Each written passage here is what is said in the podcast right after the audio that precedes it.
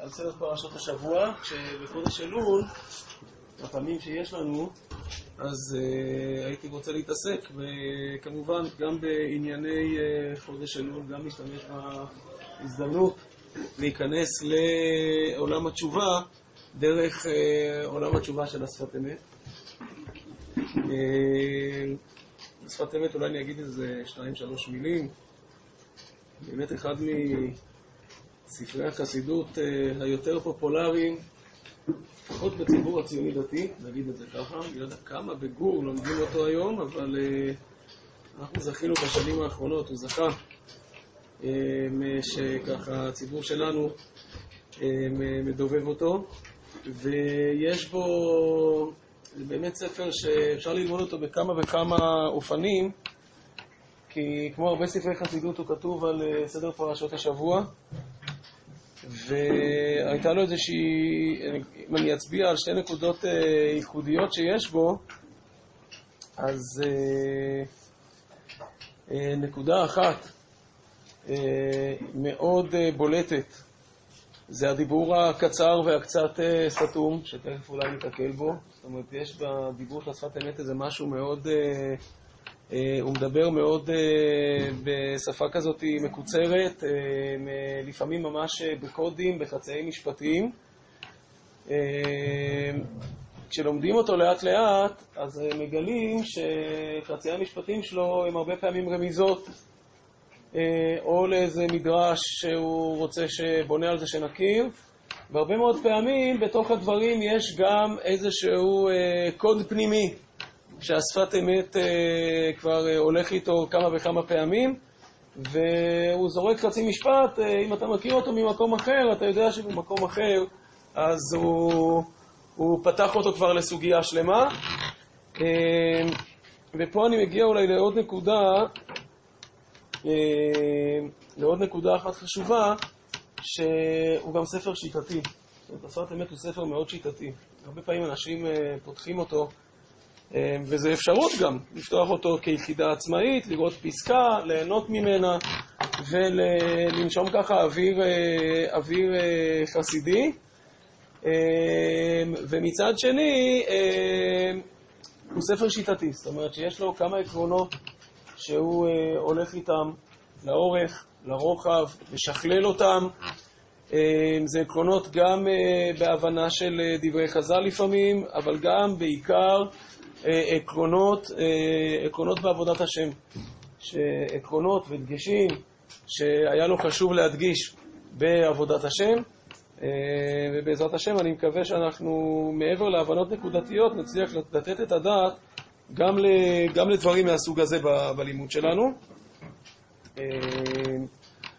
עוד דבר אחד שאני רוצה לומר על השפת אמת, והוא אמור להיות די פשוט, אבל לפעמים אנשים שוכחים אותו. השפת אמת הוא ספר חסידות.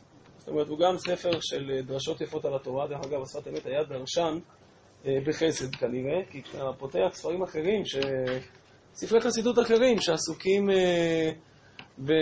בדרשות על התורה, אז יש שם רעיון, אבל מבנה של דרשה לא תמיד מוצאים שם. זאת אומרת, מוצאים, מוצאים ממה של חז"ל באיזשהו רעיון, לפעמים קשה לראות מההתחלה, מהאמצע, מהסוף. השפת אמת הוא מאוד מאוד דידקטי, הוא בנוי מאוד מאוד יפה, הוא מביא מדרש, הוא שואל שאלות, הוא מגיע בסוף לתשובות. הוא היה דרשן מאוד מסודר, ובעצם הוא זה שגם סיכם את הדרשות שלו, זה גם יתרון, הוא בסופו של דבר ישב וסיכם את הדרשות שלו, כנראה לפעמים במוצאי שבתות, אבל לפעמים כנראה הוא סיכם גם כמה ביחד, מה שגורם לפעמים לזה שהוא קצת שוכח ויש קצת חוסר סדר בספר. זה מאוד מאוד בולט, דרך אגב, כיוון שאנחנו נכנסים לימים נוראים, אז זה מאוד מאוד בולט דווקא בחגים. כאילו, רבי חסידי אין לו הרבה זמן לסכם באזור החגים, הוא בדרך כלל בן אדם מאוד מאוד עסוק, תביאו בחשבון את העובדה שלפעמים חגים יוצאים צפופים, ובחוץ לארץ לפעמים יוצאים גם הרבה יותר ארוכים, אז uh, לפעמים uh, מסכמים אותם ממרחק הזמן, וזו הסיבה לזה שהשפת אמת על החגים הוא הרבה יותר קשה מהשפת אמת על התורה. זאת אומרת, הוא כתוב בצורה הרבה יותר מקוצרת, הוא גם הרבה פעמים כותב קיצורי דברים וכולי, בצורה הרבה יותר מקוצרת, הרבה יותר, הרבה יותר סתומה, ו... ובאמת בהבנה של דברי החגים יש, יש קושי יותר גדול מאשר ההבנה של שפת אמת על התורה. אז אני מזכיר, אני חזרתי ואמרתי שהוא ספר חסידות, כי בסופו של דבר, מעבר לדרשנות ולרעיונות שיש כאן, בסוף יש כאן איזשהו ניסיון אה, להחיות את, אה, את עבודת השם בצורה מסוימת, בצורה אופיינית לו. ו, ויש לפעמים איזושהי נטייה קצת לשכוח את זה, אה, ו, ו, ואני חושב שהמון פעמים כשאנחנו לומדים חסידות, אנחנו צריכים לנסות להבין גם באמת מה... מה העיקרון החסידי, מה אנחנו מושכים מכאן בעבודת השם שלנו, כי זה בסופו של דבר המגמה והחתירה של בעל השמועה. אה, לא רק לתת לנו איזה הסבר יפה למדרש, אלא גם להותיר בנו איזשהו חותם אה, בעבודת השם. בסדר, אז אני, אני רוצה שנתחיל היום מאיזשהו, אה, מאיזשהו, משתי דרשות, אחת היא בכלל על חודש אלול, והשנייה היא עסוקה בפרשת אה, שופטים, אבל באיזשהו מקום היא יושבת על אותו יסוד שנתחיל לראות בחודש אלול, ובזה בעצם נמצאנו מחברים גם את אה, חודש אלול וגם את הפרשה שאנחנו נמצאים בתוכה היום. אז בסדר, נראה את אחת הדרשות לחודש אלול בשפת אמת, ומשם נתגלגל לפרשת שופטים. אומר השפת אמת, אלול תרמ"ד לחודש אלול רמזו הקדמונים ראשי תיבות אני לדודי ודודי לי. כן, דרשה ידועה של רמז, רמז הקדמונים, אני לדודי ודודי לי. ומוריוס כניזל אמר רמז, יש רמז הקדמונים, יש רמז של בעל חידוש הערים, שהיה מורו וסבו של בעל השפת אמת, אמר רמז על הפסוק לא אנחנו, שיש כלי וכתיב. לא בו' ולא באלף, כן, על הפסוק שמה, אז uh, יש שם קרי בלא, והכתיב, נכון, הכתיב הוא עם א', הכתיב הוא עם א', לא אנחנו. טוב, וזה גם כן ראשי תיבות אלול כמובן, כן? זה לא ראשי תיבות, הלא והלא זה, הם, אה, זה בעצם לקרוא את אלול בצורה הפוכה. ואמר שכפי מה שיש ביטול זה באדם לא אנחנו, אז לא אנחנו. כלומר, מתי, שאנחנו, ככל שאנחנו הולכים להיות יותר ויותר לא, לא באלף, אה, הולכים ומבטלים את עצמנו בעצם, אז אנחנו הולכים ונעשים יותר ויותר לא להשם. בסדר, אז זה עד כאן הרמז של בעל חידוש העמים. וביאור העניין, עכשיו הוא מסביר את ביאור העניין וגם יחבר את זה לחודש אלול. וביאור העניין, שבני ישראל צריכים להיות מוכנים בלתי להשם לבדו. כדכתיב, עם זו יצרתי לי, וזה אני לדודי, שיודעים שאין לנו צורך בעולם, רק לעשות רצונו יתברך ולהרבות כבודו בעולם. כלומר, אומר השפת אמת, הקדוש ברוך הוא יצר את עם ישראל, עם זו יצרתי לי. עם זו יצרתי לי, אומר השפת אמת, זה לא רק הגדרה למה הקדוש ברוך הוא יצר אותנו, זו צריכה להיות תודעה מכוננת. כאילו, עם זו יצרתי לי זה איזושהי חתימה פנימית.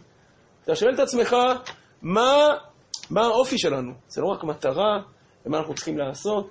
אלא אתה שואל בן אדם, מי אתה? מה, מה אני שלך? מה, מה, מה אתם? מה אנחנו? אנחנו לא. זה הנקודה. וממילא זה אמורה להיות איזושהי תודעה, איזושהי זהות שמלווה את עם ישראל בכל, אה, בכל הלך הרוח שלהם בעולם. זאת אומרת, כל מה שאנחנו עושים, חיים, חווים, עם איזה תודעה מסתובב מסתובבים עם ישראל, וממילא כל אחד ואחד בעולם, עכשיו צריך רגע, מה האני שלי? האני שלי הוא למען דבר מסוים, לקדוש ברוך הוא. וזה אני לדודית. עכשיו צריך רגע, מה האני שלך? האני הוא כולו לדודית. שיודעים שאין לנו צורך בעולם, רק לעשות רצונו יתברך ולהרבות כבודו בעולם.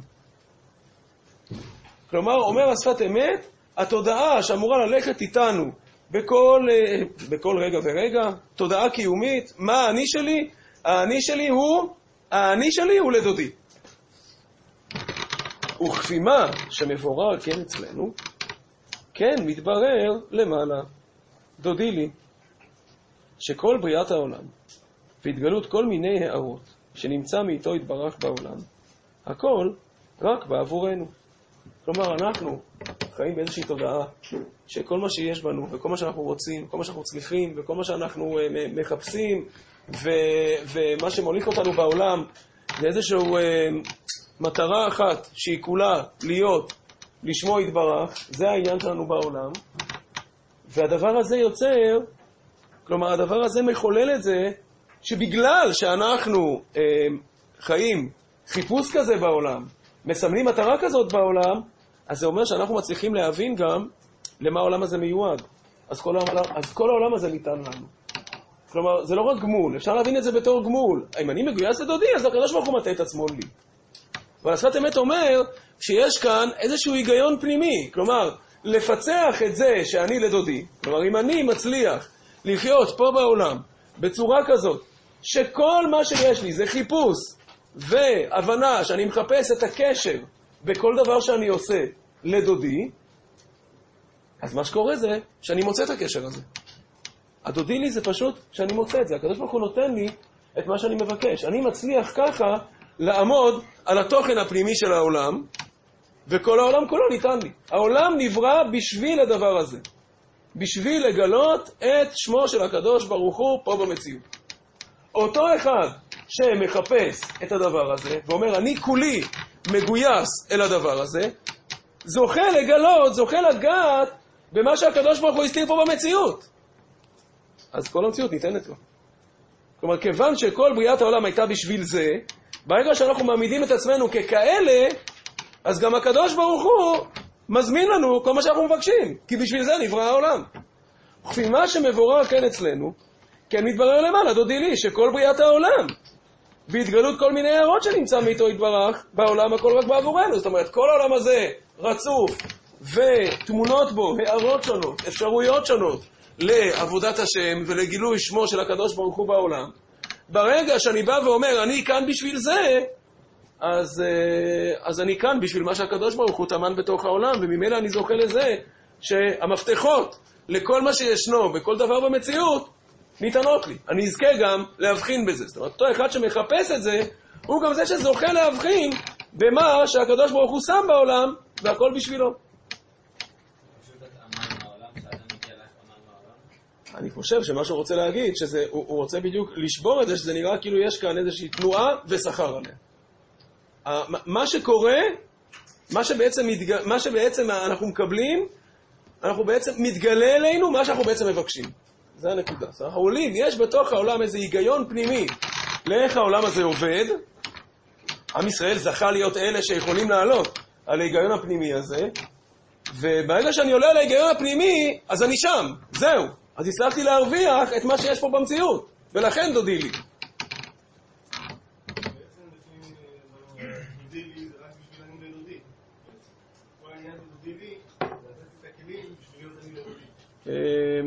יש, יש מקום אחר, אני לא זוכר אם אני ציטטתי את זה בסוף פה, אבל, אה, אבל יש מקום שהוא אומר שבאמת יש אני לדודי ודודי לי, ויש דודי לי ואני לא, ואלה שתי תנועות מקבילות, רק שבאלול אנחנו מתחילים אה, את התנועה מצידנו, ותכף נגיע לזה גם.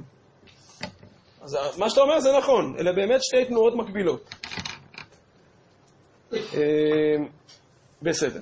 וכתוב את השם האמרת והשם האמילך.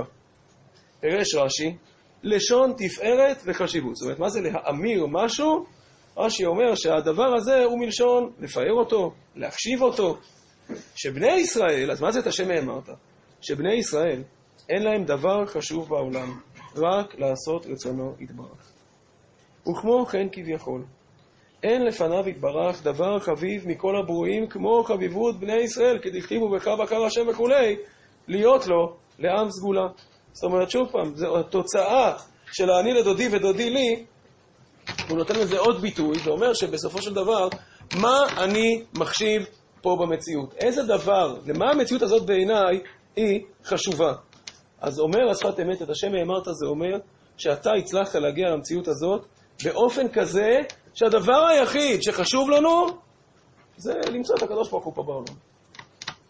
וכיוון שכך, כיוון שנכרתת ברית כזאת, שמה שחשוב לנו למצוא פה במציאות זה את הקדוש ברוך הוא, אז uh, מה שחשוב לקדוש ברוך הוא זה מי שמוצא אותו פה. אז השם העמיד לך. כלומר, מה שחביב לפני השם יתברך זה בדיוק הנקודה שיש מישהו פה במציאות שמצליח לזהות שמה שישנו כאן זה הוא. והנה, למה הדבר הזה, איך הדבר הזה מתקשר לחודש אלול? אז אומר השפת אמת. והנה בראש השנה מתחדש הבריאה.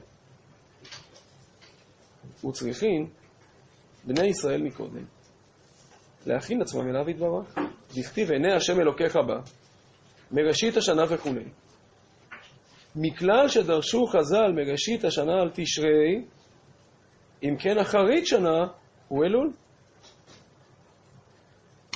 מראשית השנה, חז"ל דרשו שזה חודש תשרי. אז מה זה מראשית השנה ועד אחרית השנה? אומר השפת אמת, עיני השם אלוקיך בא מראשית השנה ועד אחרית השנה, כלומר מתשרי ועד אלול. אבל מה המשמעות? אז הוא אומר ככה, וייתכן לומר כי אחרית הוא הסוף והתכלית, שגלוי לפניו יתברך, שבני ישראל שבים אליו יתברך שמו בסוף השנה. ובאמת, זמן התעוררות התשובה בסוף השנה, שהוא תכלית הנרצה מכל מעשה השנה.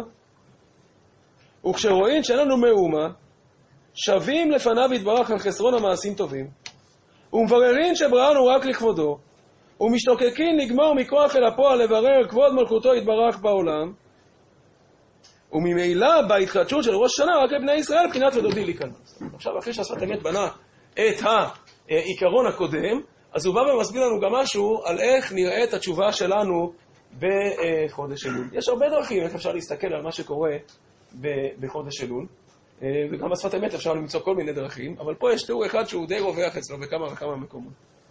איך, ו- ואני חושב שבאמת מבחינה נפשית יש פה משהו שהוא מאוד מאוד בסיסי, בסיסי אצל כולנו.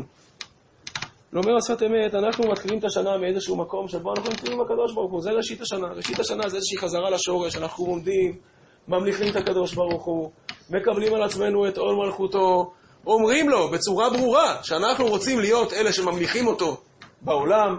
זה כל מה שקורה בראש השנה, ראש השנה ויום כיפור, זה איזושהי כריתת ברית מחודשת בינינו לבין הקדוש ברוך הוא, על שותפות, שאנחנו באים ואומרים, אנחנו הולכים להיות אלה שקוראים את שמך פה על המציאות. זה מה שאנחנו עושים שם במשפט אחד.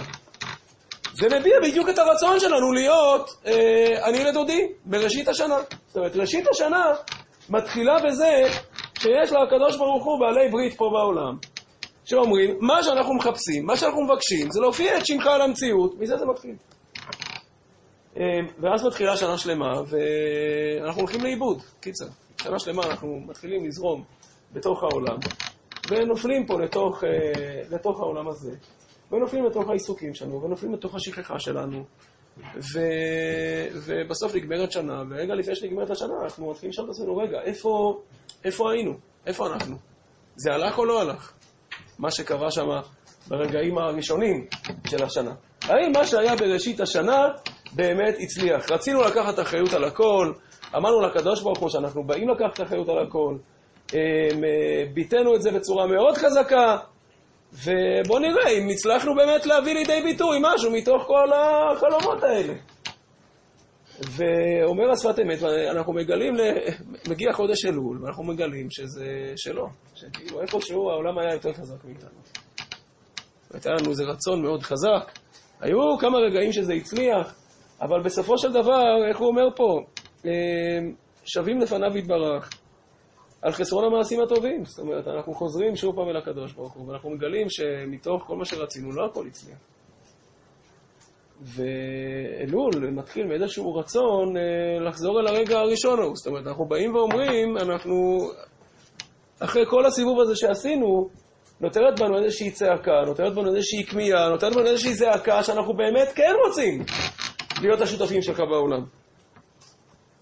וחוזרים, כן, התנועה של אלול, שהיא בעצם התנועה של, ה... היא בעצם התנועה של התשובה, היא, היא לשוב אליו. זאת אומרת, היא לשוב ולומר שאנחנו מבקשים להיות לך.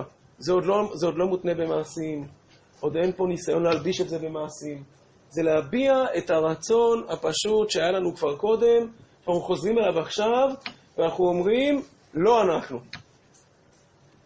באמת, אחרי שהיינו פה בתוך כל המציאות, והסתובבנו והסתבכנו, ו...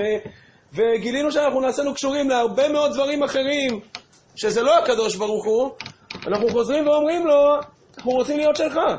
אנחנו, לא אנחנו, עזוב אותנו מכל מה שסיבך אותנו אה, בעצמנו, ואנחנו חוזרים לעורר את הרצון להיות לא, להיות שלו לגמרי.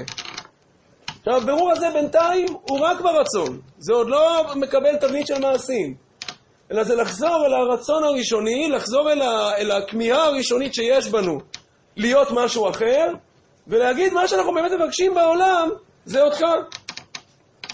כשרואים שאין לנו מאומה, שבים לפניו יתברך על חסרון המעשים טובים, ומבררין שבראנו רק לכבודו, חוזרים עוד פעם לברר את, ה, את, ה, את הרעיון הראשוני, את הרעיון הבסיסי, למה העולם הזה נברא, ומשתוקקים לגמור מכוח אל הפועל. שימו לב, זה לא, אנחנו לא גומרים. אנחנו לא נצליח לגמור מכוח אל הפועל, זה דבר מאוד חשוב. אבל אנחנו כן נצליח להביע את הרצון, את התשוקה, את הכמיהה שיש לנו לסיים את הכל מכוח אל הפועל. וזה רגע לפני שהקדוש ברוך הוא מקדש את השנה. זאת אומרת, יש פה איזושהי שאלה, כאילו כל סוף שנה עומדת השאלה האם שווה לחדש את השנה שוב. האם יש פה מישהו בעולם שבכלל מזהה שמשהו צריך להיות אחר? או שלא, שעולם כמנהגו נוהג ו... והולך ומידרדר מדחי אל דחי. האם יש מישהו בעולם ש... שמבחין בזה שמשהו יכול להיות אחר? ו... ו... ומבקש לגלות שיש משהו שהוא מעבר לשגרה, מעבר למקום שהמציאות נמצאת בו, שבאמת מבקש לעשות את רצונו של הקדוש ברוך הוא. אז עם ישראל זה התפקיד שלהם. רגע לפני שהקדוש ברוך הוא מקדש את הבריאה, יש מקום שהשפת אמת אומר שבתשרי העולם נברא, אבל לפני שהעולם נברא, כתוב שהעולם, העולם, כתוב שהקדוש ברוך הוא הם, אה, עלה במחשבה לברוא, הם, אה, ונמלך בנשמותיהם של צדיקים, והחליט לברוא את העולם. אז יש מקום שהשפת אמת, אני לא זוכר אם הוא אומר או רומז, שאלול זה החודש שבו העולם עלה במחשבה. בתשרי העולם נברא בפועל. באלול העולם עלה במחשבה. מה זאת אומרת עלה במחשבה? שזה הרגע שבו, יש, יש את הרגע שבו אני מברר את הרצון. לברוא בפועל זה כבר להלביש את הדברים בתוך המעשה. לעלות במחשבה זה אומר שיש איזה רגע אידיאלי שבו אני נפגש עם הרצונות שיש לי מאחורי הדברים. והיום שבו, החודש שבו עלה במחשבה זה חודש אלול. וזה החודש שגם אנחנו עוד לא בוראים, עוד לא יוצרים, עוד לא עושים, אנחנו נפגשים עם המחשבה, עם הרצון, עם ההשתוקקות, שהיא עוד מופשטת, היא עוד לא נוגעת, היא עוד לא מיושמת. אבל אנחנו חוזרים, אחרי שהיינו מסובכים בתוך עולם של מעשים שבחלק מהם הצלחנו ובחלק מהם לא הצלחנו. אנחנו חוזרים לגעת ברצון הראשוני. שיש פה בעולם מי שמשתוקק, שתתברר מלכותו יתברך בעולם. וממילא, אומר, ה... אומר השפת אמת, וממילא, באה התחדשות של ראש השנה רק לבני ישראל, בחינת ודודי לי. כלומר, עכשיו אמר לנו עוד מילה, הוא אמר לנו שאני לדודי זה בראש השנה, ודודי לי, אה, אני לדודי זה בחודש אלול, ודודי לי זה בראש השנה. כלומר, אלול זה אני לדודי, ו, ועל ידי העובדה שאני בא ומביע באלול את הרצון, את הצמאון, את העובדה שאנחנו מכירים, ש... את, את זה שאנחנו מכירים שבעולם יש דברים שקורים אחרת, אז על ידי זה, על ידי זה אומר השפת אמת, אנחנו זוכים לזה שכשהעולם מתחדש, כשהעולם נברא, אנחנו תופסים פתאום צד אחר. כאילו הנה, בחודש תשרי, כולם עוברים לדין, ואנחנו איכשהו עומדים שם ב... בשני, בשני כובעים. כובע אחד אנחנו חלק מהעולם, וכובע אחר אנחנו אלה שפתאום אה, עסוקים בהמלכה, אנחנו לא הנידונים, אנחנו השותפים.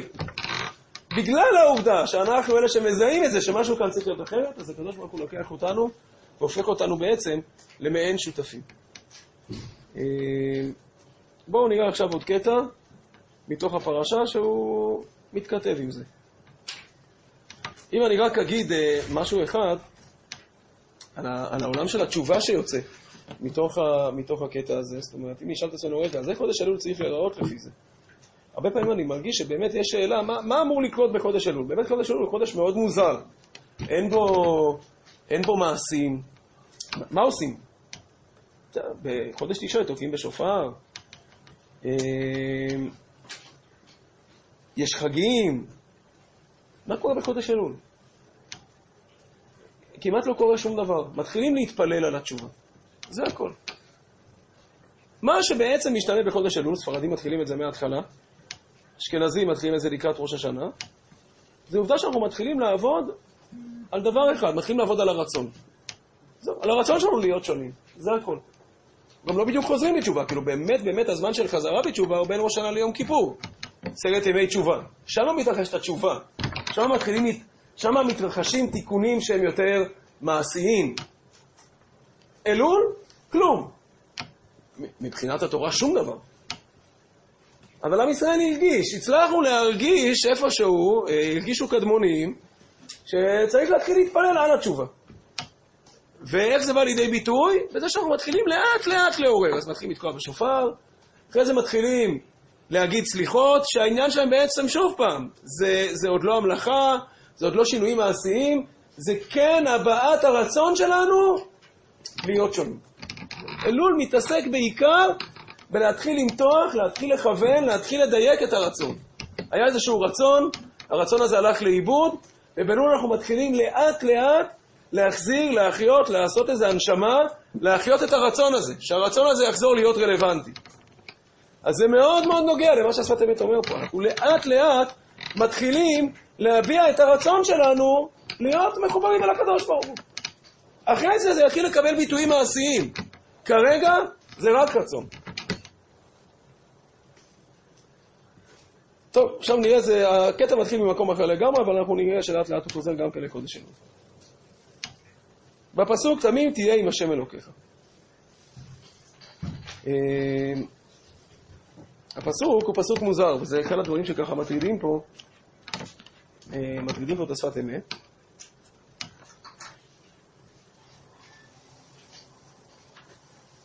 כן, כי הפסוק מתחיל הרי, שנייה.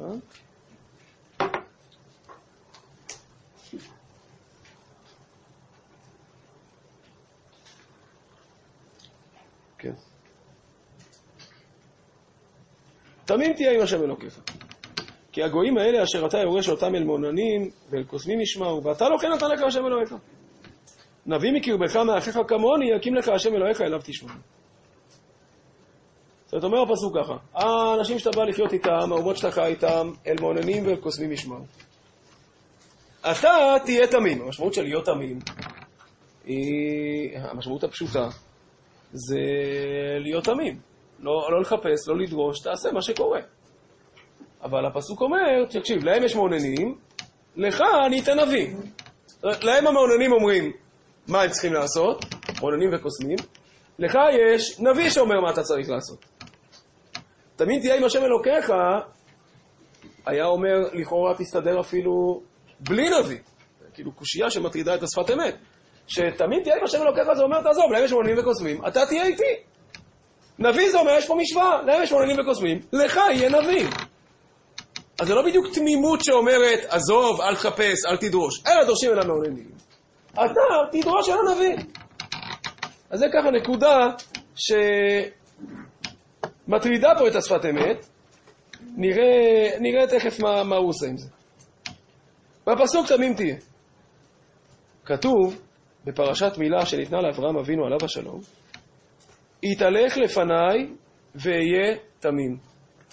כן? לנו שפת אמת פה גזירה שווה, תמים, תמים. תמים תהיה עם השם אלוקיך פה, נאמר כלפי השאלה, אה, אל איזה כוחות, אל איזה כוחות, מאיזה מקומות אתה שואב את הכוחות שלך פה בעולם הזה, ממקומות של טומאה, של נמיכות, מוננים וקוסמים, או מנביא. אבל השפת אמת לוקח אותנו למקום אחר לגמרי, הביטוי הזה תמים, יתהלך לפניי ואהיה תמים, זה בעצם הפסוק שפותח את אה, פרשת ברית מילה. והשפת אמת עכשיו הולך לקשור את שני הדברים האלה. כי בעולם הזה אין נמצא השלמות. כי הטבע מכסה הפנימיות. וכמו כן, העורלה באדם. ובהסרת העורלה בא אברהם אבינו עליו השלום אל התמימות, וכן הוא כפי מה שיוצאים מן הטבע, זוכים אל השלמות. וזה ניתן לבני ישראל הנהגה העליונה של למעלה מן הטבע. אני רוצה קודם כל להגיד, למה שפת אמת קורא שלמות? השפת אמת בא ואומר ששלמות זה לא להסתפק במה שקיים, אלא שהאפשרות שלי להגיע לשלמות היא להכיר בזה שיש משהו שהוא מעבר למה שאני משיג כרגע, מעבר למה שנראה לעין. השלם זה מי שמצליח להשיג את מה שנמצא מעבר לעין. על פניו, מה שנמצא על פני השטח, יש משהו מאוד מפתה, להסתפק בזה. אבל שלמות זה היכולת שלי באמת להבחין בזה שיש משהו שבאופן טבעי לא הייתי מבחין בו. האם אנחנו מבחינים בזה שיש משהו מעבר, מעבר למה שיש לנו במציאות? וגם, אם ניקח את זה עכשיו פנימה אל הנפש, אז הוא אומר לנו אותו דבר גם על הנפש. השלם זה אותו אחד, ואולי זו דוגמה מצוינת, השלם זה אותו אחד שמסוגל להוציא מעצמו יותר ממה שנראה לעין בשלב ראשון. זה נכון כמעט בכל דבר. זאת אומרת, אה, הנטייה הפשוטה להסתפק אצל בן אדם במה שיש בי וזהו, ולא לדרוש מעצמי יותר. אה, יכולה הרבה פעמים אולי לעשות לי חיים קלים, אבל הרבה מאוד פעמים היא תתקע אותי במקום. וכשאדם מצליח להבחין שיש בו, שיש בו, או שיש באחרים, יותר ממה שהייתי מסוגל לראות במבט ראשון. זה אפשרות להתחיל לאט לאט לשכלל ולגלות דברים שנמצאים בעומק, בעומק של האישיות, בעומק של הכוחות, בעומק של הנפש, ולפתח אותם. הרבה מאוד פעמים דווקא הכוחות היותר עמוקים, אלה שסמויים מן העין, אלה הכוחות היותר uh, יקרים, אלה הכוחות היותר uh, עדינים, וזה גם הסיבה שנמצאים מתחת לפני השטח. כן, העובדה שיש דבר שהוא מתחת לפני השטח, זה בדיוק בגלל, בגלל שיש לו איזושהי תכונה שהיא תכונה עדינה יותר, והיא תכונה, והיא תכונה שהיא מעבר, שיש בה משהו שהוא מעבר לכלי ההקשבה הרגילים שלנו, והאפשרות שלי באמת לגעת בזה היא להתחיל לשכלל את המקומות שלי שהם מעבר. כן, העובדה שאני מסוגל פתאום להבחין, שאני מסוגל להיות קשוב לצלילים שבמבט ראשון לא הייתי מסוגל לשמוע אותם. לצלילים, לתנועות, להיות רגיש לדברים שבמבט ראשון לא רגישים אליהם, זה עצמו, זה עצמו משכלל את הכישרון להבחין במה שהוא מעבר לממשות, ויש בו שלמות אחרת. שלמות אחרת, עדינה יותר, שטובעת מהנפש יותר, טובעת מהכוחות שלי יותר. אז הוא אומר, העולה באדם זה דבר כזה. זאת אומרת, העולה באדם זה דוגמה לזה שהקדוש ברוך הוא לקח עולם שלם של אה, כישרונות, עולם שלם של אה, פנימיות, עולם שלם של דברים עדינים יותר, הטמין אותם מתחת למשהו, ו... והעובדה שאני מצליח, אה, ובאיזשהו מקום, בזה שהוא הטמין את זה, הוא מצד אחד כיסה את זה, אבל מצד שני, הוא ישר פתח לי את האופציה, תבע ממני להקשיב לדברים יותר עמוקים ולחפש משהו שהוא מעבר למה שנמצא על פני השטח. עכשיו, יכול היה אדם, האדם יכול, תכף נראה, להסתפק במה שנמצא על פני השטח. אמ, אבל אה, מי שמצליח להטות את האוזן ולהיכנס פנימה, אז מצליח לגלות בעצמו שיש בו נקודות אחרות. והדבר הזה נכון כלפי כל בן אדם, וזה נכון גם כלפי הבריאה. איך אני חווה את הבריאה? אם אני חווה את הבריאה מצד מה שאני פוגש בצורה ישירה ומיידית, או שאני מבין שיש כאן משהו שהעובדה שהוא נסתר, זה הדבר שמעורר את הסקרנות, זה הדבר שגורם לי לחפש, ועצם העובדה שאני מחפש, זה גם העובדה, זה גם מה שגורם לי כנראה לעבור את השינויים שיתאימו אותי אל הדבר הזה. יש כאן איזה משהו שהוא צוות בצוות עשויה. העובדה שלקחתי דבר והטמנתי אותו, גורמת לזה ש... הוא לא בנאלי, שבשביל להבחין בו אני צריך לעבור איזשהו שינוי, והעובדה שאני עובר איזשהו שינוי מאפשרת לי לזכות בו, להיות בו. אה, וזה מה שהוא אומר לנו כאן, אומר פה השפת אמת, וכן הוא, כי מה שיוצאים מן הטבע, זוכים אל השלמות. כלומר, עצם העובדה שבן אדם מצליח לצאת מן הטבע, לא להישאר בשגרה, לתבוע מעצמו יותר, גורם לו להיות על-טבעי. יש איזשהו מקום שהשפת אמת אה, כותב את זה על הניסיונות של אברהם אבינו. כן, כתוב, ב... כתוב ב...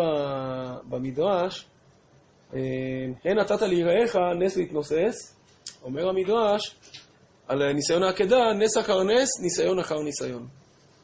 אומר השפת אמת, כל ניסיון הוא בעצם סוג של אה, נס. מה זאת אומרת? אדם חי לו בצורה שגרתית.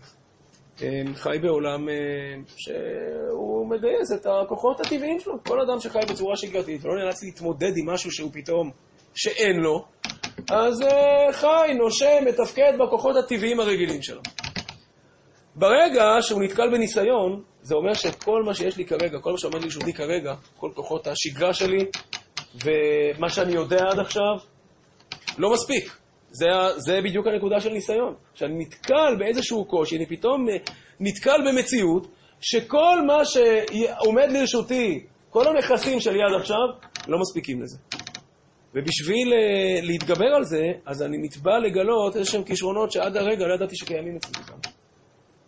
אומר השפת אמת, כל ניסיון הוא מביא את האדם למקום של נס. זאת אומרת, כל ניסיון שאדם עובר, בעצם תובע מהאדם לחצוב מתוכו כוחות אה, ניסיים, כוחות שעד לרגע הזה לא היו לו. אה, אגב, אפשר להסתכל כמעט על כל, אה, כל תהליך רוחני שאנחנו עוברים ככה. את כל תהליך רוחני שבו אנחנו פתאום נאלצים להתמודד עם משהו שהוא חדש, שהוא חדש, שאין לנו.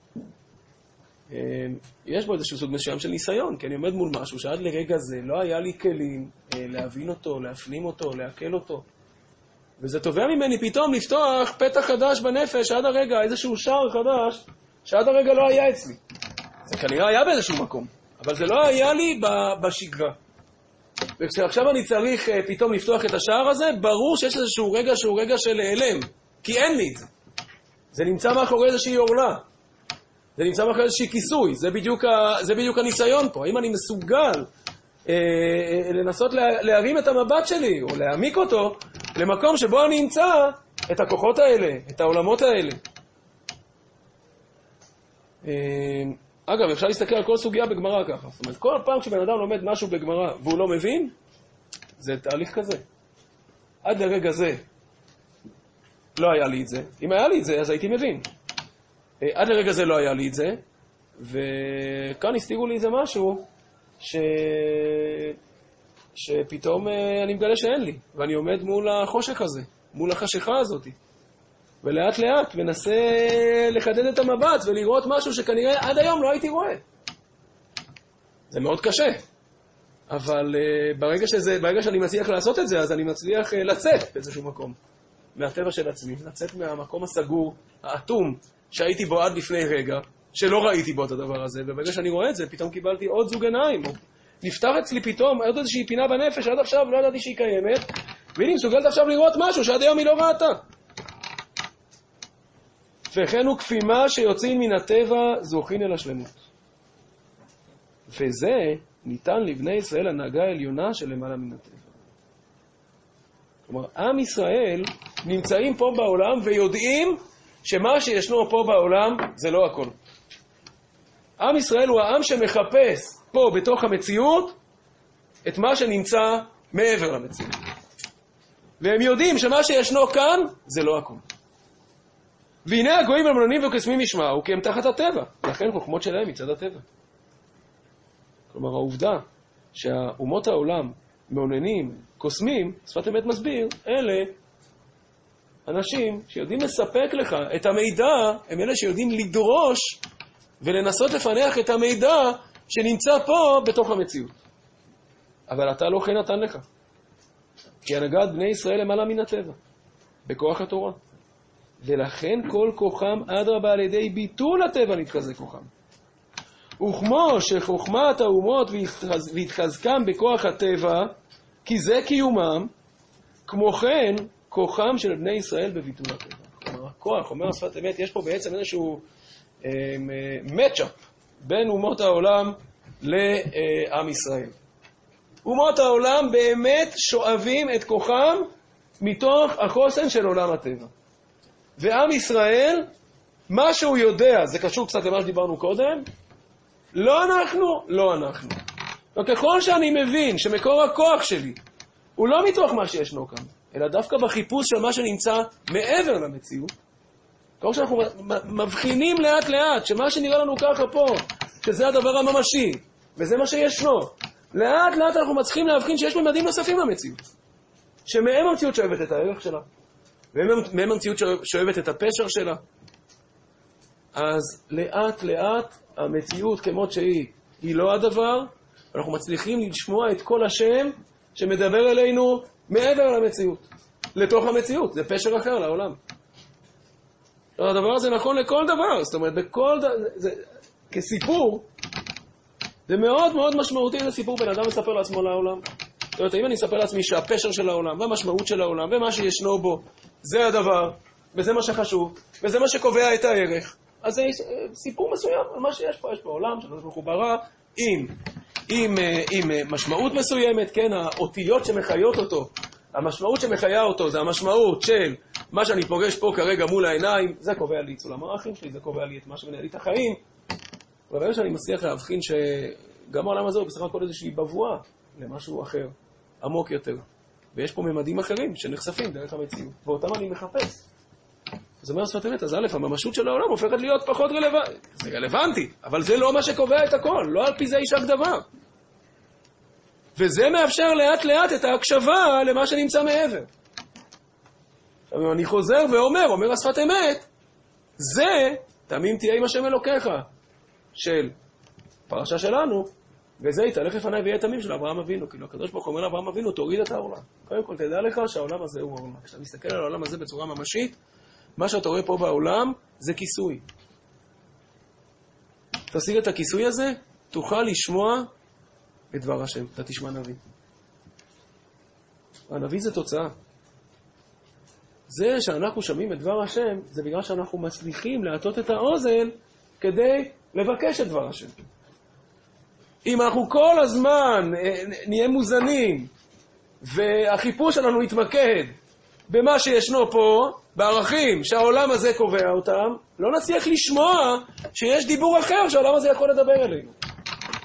אם אנחנו מצליחים להוריד את העולה הזאת ולבקש משהו שנמצא מעבר, אנחנו גם מסוגלים לשמוע שיש דיבור אחר. יש פה גם קול אחר שמדבר במציאות. קול של נביא, קול של הקדוש ברוך הוא. אה, מה העניין של בביטול הטבע ולא באלף, לא עולם, כאילו? למה, למה, למה אי אפשר פשוט להיות, כאילו, עם הטבע או מעל הטבע? מה העניין בביטול הטבע גם בביטול עצמנו? כאילו, מה, למה דווקא זה התהליך? זה נראה לי תהליך קצת... אה, חזק. חזק ולא טוב. כאילו, א', לא בביטול הטבע, וב', לא בביטול עצמנו. נראה לי תהליך שלם יותר, תהליך שהוא עם הטבע, מעל הטבע, להעלות הטבע, להעלות עצמנו גם, לא יודע. כאילו לא בו' אני מבין, אבל הלא באלף הזה ביחד עם הביטול עצמנו. אתה אומר שתהליך של ביטול הוא תהליך מאוד מאוד קשה. קשה ו... קשה ואולי שלילי, תופס את העולם עם איזשהו משהו מריר שיש בו. כן, לא רק מריר, אני חושב שזה תהליך לא נכון. נראה לי. אוקיי. ומה אתה בכל זאת יכול לקחת מזה, תגיד? אולי אני צריך להגיד לעצמי לא באלף. מה שאמרתי, סתם. לא, שמה? לא. א', לא יודע, באמת צריך עיון. לא, אתה מרשה פה קושייה, אתה, מביע איזה עמדה, אתה אומר כאילו, אתה מרגיש פה מה שאני חושב שהוא נכון. שיש פה איזו עמדה שהיא עמדה מאוד, אה, עמדה שהיא מסתכלת על העולם הזה באיזושהי צורה שהעולם הזה באמת אה, צריך לבטל אותו. צריך לבטל אותו, צריך לבטל אותו, צריך לבטל את האגו בצורה מאוד חזקה. אני מסכים, יש פה משהו כזה מאוד חזק בתוך הקטע. את הרעש, שמה שאומר פה, אה, להגיע, אה, להגיע לאיזה מדרגה יותר כזה, כאילו, ביטול, אתה מגיע לשובר את הגבולות כזה לגמרי, לקראת אה, שנה חדשה, פשוט. אני אתן לזה שתי... אני אענה על זה... אה, אני אתן על זה איזושהי תשובה, אבל אני לא בטוח שזאת התשובה שמתאימה לכל אחד. קודם כל, אני חושב שאתה נוגע בנקודה נקודה- נכונה. אה, שיש פה בשפת אמת באמת איזושהי אמירה שאומרת, אה, צריך... אמירה חדה, צריך לבטל את הטבע, צריך אה, לבטל את העצמי, על ידי זה אני אגלה את הקדוש ברוך הוא. אה, אז uh, אני כן אניח את זה בתור שאלה שאני חושב שכדאי להסתובב איתה. עד, האם יש דברים שאני יכול לקחת מה, מהדבר הזה? Uh, יכול להיות שיש מי שיגיד, uh, הפוך, מה פתאום? ברור לי שזה, ברור, ברור לי שזה דבר מצוין ו, ו, וטוב, ויכול להיות שלא, שזה יוצר קושי. אני, אני אגיד על זה ככה, אני חושב שקודם כל, אפשר לתאר את זה באמת כאיזושהי תנועה, כאיזושהי תנועה שקורית בתוכנו. כלומר, מצד אחד, אנחנו מאוד אה, אוהבים את העולם, מצד שני, אנחנו יכולים לגלות הרבה מאוד פעמים שהאהבה שלנו לעולם, עם כל זה שאנחנו יודעים שהוא בעל ערך וטוב, אה, היא תוקעת אותנו. ויש בתוכנו נשמה ששואפת אה, לעוף מפה, לעוף מפה, זהו. היא לא מקבלת את כל התירוצים שאמרנו קודם. עולם מקסים, עולם טוב, בסוף, אחרי כל התירוצים וכל ההסברים וכל ההסברים היפים שלכם על כמה שהעולם הוא מלא והכל, אה, כשהנשמה יורדת לפה, היא חוזרת להתגעגע אל הקדוש ברוך הוא. ויש בתוכנו איזושהי תנועה, יש בתוכנו גם כן תנועה שהיא תנועה חדה. שהיא מסוגלת לזעוק, אה, תעזוב אותי מכל הדבר הזה, ותן לי לחזור אה, חזרה להיות באור פניך, בלי מחיצות, בלי הסתרים, בלי שום דבר, רק אני ואתה וזהו. אה, בשביל לגלות, בשביל שנהיה חשופים לתנועה הזאת, שאני חושב שהיא קיימת, שיש תנועה כזאת, פנימית, חדה, מבקשת לפרוץ את כל המחסומים וכל המחיצות, ולא לא לעצור בשום הערה חלקית של הקדוש ברוך הוא, נבקש רק אותו. בשביל שבאמת נהיה חשופים אל התנועה הזאת, אנחנו צריכים טיפה אה, להיות לא. כאילו, אין מה לעשות. כל מה שננסה לשמור על האגו שלנו ועל האני שלנו ולבצר את עצמנו ונפחד מזה, אז התנועה, לא נצליח להיפתח לתנועה. ששואגת את קרבת השם. ולנסות לשמור כל הזמן על העולם ורק לשחרר אותו ולהעלות אותו, שזה דבר חשוב מאוד, ואני לא מבטל אותו כרגע, יש משהו שבסוף לא ייתן לנו לפרוץ את כל המחסומים. וכאן יש תנועה שבאה ואומרת, אני רוצה לפרוץ את כל המחסומים. בלי שום uh, מיצוע, בלי שום הגבלה, בלי תנועות שכאילו מסתפקות ושומרות. ברגע שאני צריך לשמור על המערכת, אז אני אצטרך כל הזמן להישאר מחובר ולבדוק את הכל, ובסוף העולם הזה יותר נמוך מהקדוש ברוך הוא, זה לא יעזור. ואם אני רוצה לגלות בתוכי תנועה שבאה וזועקת, שאני רוצה להיות רק אליו, אז uh, אני אצטרך uh, לרגע אחד לוותר על עצמי, כן. עכשיו, האם זו תנועה שהיא צריכה להיות כל הזמן, או שאומרים לנו לעשות האמת, תקשיב, לקראת uh, uh, חודש אלול, תסתכל על העולם גם ככה. תסתכל על העולם ככה, כן. תראה לרגע איך העולם הזה, עם כל היופי שלו, ועם כל ההדר שלו, ועם כל גילוי השם שבו, כל הדברים האלה, כל הדבר הזה זה מקסים וטוב, אבל זה לא זה. זה לא זה. בסוף זה תקוע. בסוף אתה רחוק. בסוף אור אינסוף לא מתגלה בו. הקדוש ברוך הוא לא פה. בסוף הנשמה שלך מנותקת. ויש רגע זה שאתה בא ואומר, אני רוצה לקרוא את כל המסכים, לזעוק שנמאס לי מכל הריחוק הזה, ואני רוצה רק אותך. רק אותך אני רוצה. עכשיו, אם אני אנסה כל הזמן לבצר את העמדה שלי, אני לא אגיע לעמדה קיצונית כזאת. כאילו, אני לא אצליח, אני, אבל אני מאבד משהו.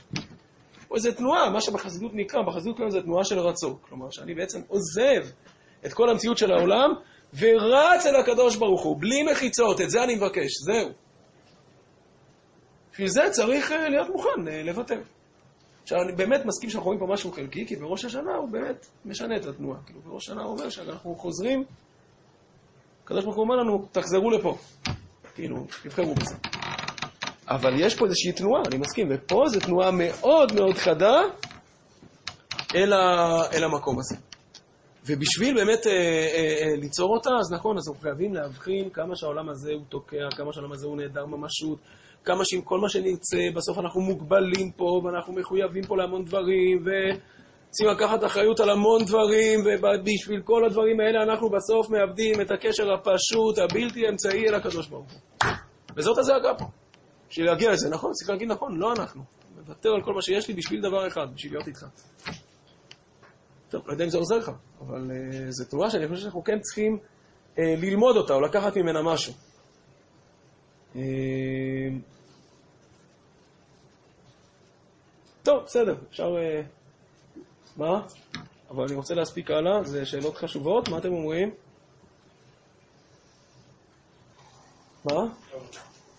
אז בואו בוא ננסה להספיק פה הלאה, כי יש פה עוד משהו יפה. המשך הקטע הזה שראינו עכשיו, זה הקטע התחיל ב, ב, ב, בתנועה הזאת של התמימות ושל הרצון הזה להיות מעל הטבע, ואז שפת אמת חוזר באמצע הקטע לדבר על חודש אלול. כתוב, אני לדודי ודודי לי. אני לדודי הוא ביטול הטבעיות. אני, עוד פעם, לבטל כל הכוח אל השם יתברך. אני, כל מה שיש בי, רק דבר אחד מעניין אותי, רק דודי. וזה אינו בנמצא רק בבני ישראל, כן, רק זה אל. איפה מגלים תנועה כזאת? איך אפשר לגלות תנועה כזאת במציאות שזועקת, שאנחנו רוצים שהכל יהיה רק לדודי, רק בבני ישראל.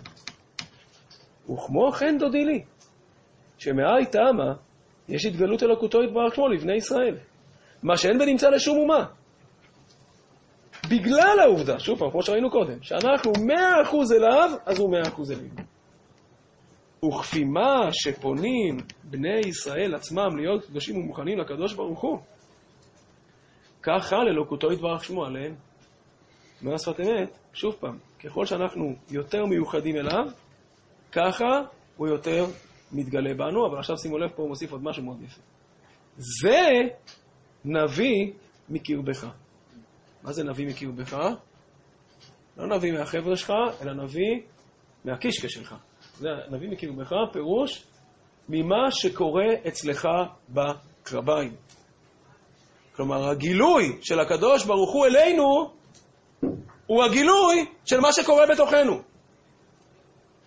נביא מקרבך שעל ידי השתוקקות בני ישראל לדבר השם, זוכים לנביאים. כלומר, כשאנחנו משתוקקים, אומר השפת אמת, כשאנחנו משתוקקים אל הקדוש ברוך הוא, ההשתוקקות הזאת שלנו לקדוש ברוך הוא, זה הנבואה. זה הנבואה.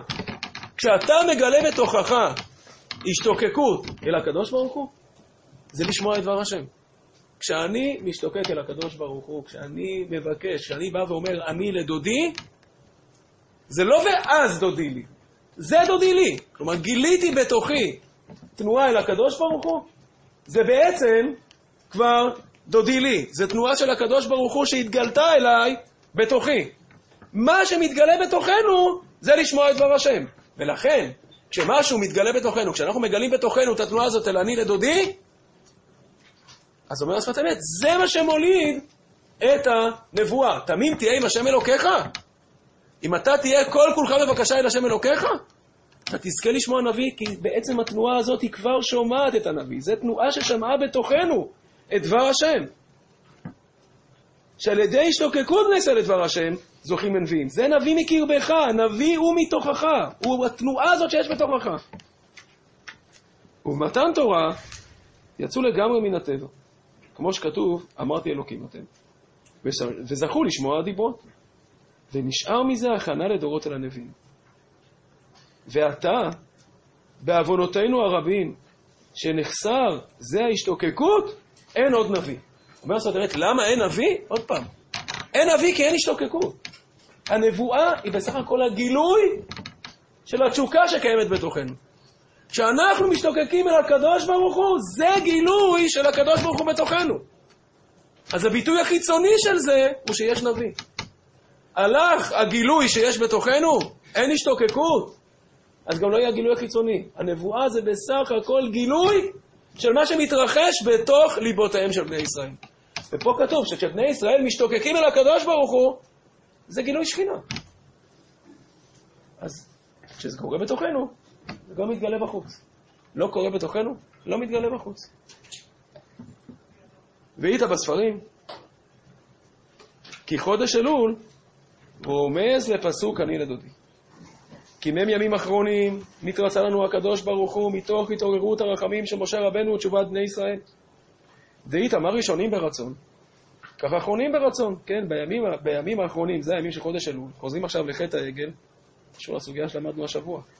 אז הימים האחרונים זה ימי חודש אלול עד יום כיפור. אלה הימים שבהם הקדוש ברוך הוא מתרצה לבני ישראל, דאית אמר ראשונים ברצון, כך אחרונים ברצון, נכתיב כימים הראשונים, אך הראשונים היו ברצון הקדוש ברוך הוא בעצמו. כן, הימים הראשונים, זה היה רצון אלוקי. מה היה בימים האחרונים? איזה גילוי אלוקי היה בימים האחרונים? האחרונים זה היה, שוב פעם, ההשתוקקות שלנו לקדוש ברוך הוא. מה שהתגלה בין הימים האחרונים, זה התגלה הקדוש ברוך הוא על ידי התשוקה שלנו אליו. אלה היו ימי תשובה. והאחרונים התרצה הקדוש ברוך הוא לנו, כמו שכתוב, מתרצה ברחמים ומתפייס בתחנונים. לכן כתוב אחר פסוק זה, יפת רעייתי כתרצה ואית במדרש כתרצה, כשאתם, כן, אני לדודי ודודי לי, ואחרי הפסוק הזה, המשך הפסוק, יפת רעייתי כתרצה ואית במדרש כתרצה, כשאתם מתרצים לי. כדעת באיה, לא בית מיליף כלום. לא, לא יודע מה התרגום של זה. כשאת מבקשת, כשאתה מבקש, אז מה? לא צריך יותר כלום, אני לא, לא, לא, לא, לא הספקתי לבדוק מה התרגום. פירוש, קיצור, מה הוא רוצה להגיד לנו בזה? שאני לדודי ודודי לי, ואחרי זה, מה הפסוק הבא? שאתם אלה שמרצים אותי. פירוש, שבכל עת יכולים בני ישראל אומרים רצון עליון בהתעוררות תשובה, ולפי שבימים אלו נתקיים בפועל ממש, לכן הימים מסוגלים לזה בכל שנה. כלומר, אומר השפת אמת בעצם, ימי אלול, הם היו הימים שאחרי שהקדוש ברוך הוא התגלה לנו מלמעלה, וחטאנו, חזרנו וגילינו אותו, אבל איך? הגילוי, הגילוי בעצם נולד בתוכנו. הגילוי האלוקי נולד בתוכנו. כלומר, יש, יש תהליך שבו מה שקורה בתוכנו הוא, הוא תוצאה של מה שקורה מלמעלה, ויש ימים הפוכים, שבעצם מה שקורה בתוכנו זה הגילוי. אנחנו מצליחים למשוך גילוי, לגלות את הקדוש ברוך הוא בתוכנו, ועל ידי זה הוא מתגלה גם בחוץ.